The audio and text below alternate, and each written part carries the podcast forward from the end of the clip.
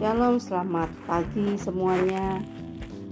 Puji Tuhan, hari ini kita bersama-sama melanjutkan pembacaan dan perenungan firman Tuhan yang diambil dari Mazmur pasal 59. Sebelum kita renungkan, mari kita membaca bersama-sama. Silahkan diambil Alkitabnya dan kita baca bersama-sama ya. Minta pertolongan melawan musuh untuk pemimpin biduan, menurut lagu Jangan Memusnahkan, Miktam dari Daud, ketika Saul menyuruh orang mengawasi rumahnya untuk membunuh dia.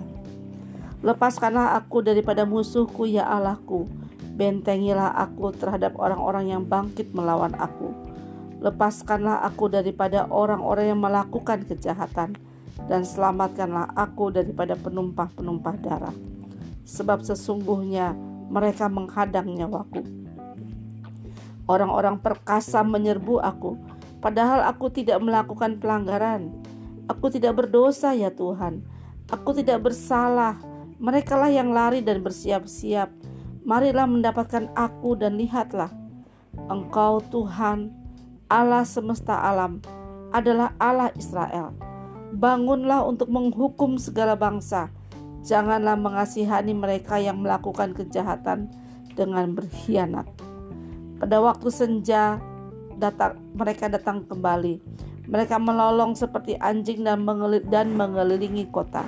Sesungguhnya mereka menyindir dengan mulutnya. Cemooh ada di bibir mereka, sebab siapakah yang mendengarnya? Tetapi engkau Tuhan menertawakan mereka. Engkau mengolok-olok segala bangsa. Ya kekuatanku, aku mau berpegang padamu, sebab Allah adalah kota bentengku. Allahku dengan kasih setianya akan menyongsong aku. Allah akan membuat aku memandang rendah seteru-seteruku. Janganlah membunuh mereka supaya bangsaku tidak lupa. Halolah mereka kian kemari dengan kuasamu. Dan jatuhkanlah mereka ya Tuhan perisai kami ketika dosa mulut mereka adalah perkataan bibirnya, biarlah mereka tertangkap dalam kecongkakan, kecongkakannya.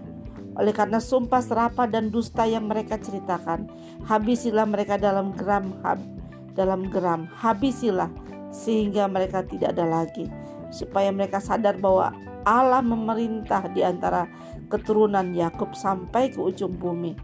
Pada waktu senja mereka datang kembali, mereka melolong seperti anjing dan mengelilingi dan mengelilingi maaf dan mengelilingi kota. Mereka mengembara mencari makan. Apabila mereka tidak kenyang, maka mereka mengaum. Tetapi aku mau menyanyikan kekuatanmu. Pada waktu pagi aku mau bersorak-sorai karena kasih setiamu sebab engkau telah menjadi kota bentengku tempat pelarianku pada waktu kesesakanku.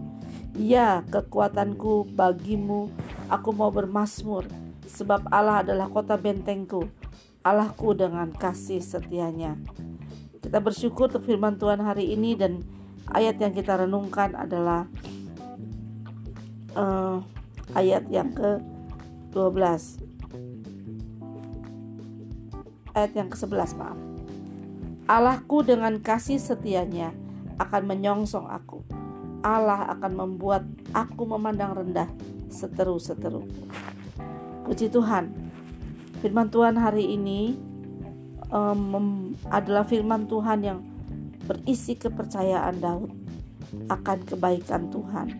Pada saat dia diolok-olok, dia mau dibunuh, dia dikejar-kejar, dia mau dia ditolak, bahkan dia merasa sangat tertekan, dia selalu berkata bahwa Tuhan adalah kekuatannya.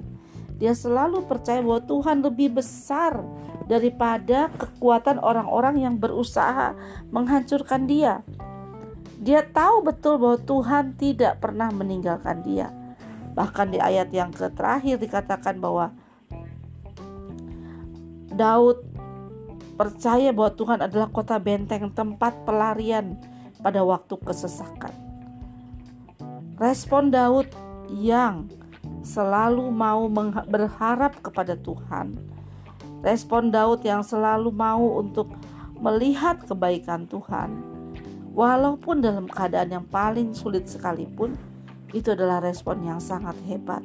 Kalau kita ditolak, kita diejek, kita kadang ingin balik, balas mengejek, balas untuk memperlakukan dia, balas dendam. Tapi firman Tuhan memperlihatkan bahwa Daud menaruhkan kepada Tuhan, Tuhan, Engkau saja yang balas Tuhan. Aku tahu Engkau Tuhan, Engkau Tuhan kekuatanmu. Aku mau berpegang kepadamu, sebab Allah adalah kota bentengku. Luar biasa ya. Allahku dengan kasih setianya akan menyongsong aku. Apa arti menyongsong? Menyongsong itu artinya artinya menyambut. Jadi waktu waktu Daud ditolak oleh banyak orang, Daud tahu betul bahwa Tuhan menyambut dia. Dan dia bahkan yakin bahwa orang-orang yang sangat hebat itu, orang yang sangat perkasa, orang-orang yang sangat berpengalaman itu tidak akan bisa meninggikan diri terhadap dia. Dia bilang bahwa dia bilang bahwa Tuhan akan membuat dia memandang rendah para lawannya. Anak-anak, marilah belajar seperti seperti Daud, selalu berharap kepada Tuhan, selalu mendap mencari kebaikan tuh selalu mengalami kebaikan Tuhan dan selalu percaya bahwa Tuhan menyambut kita.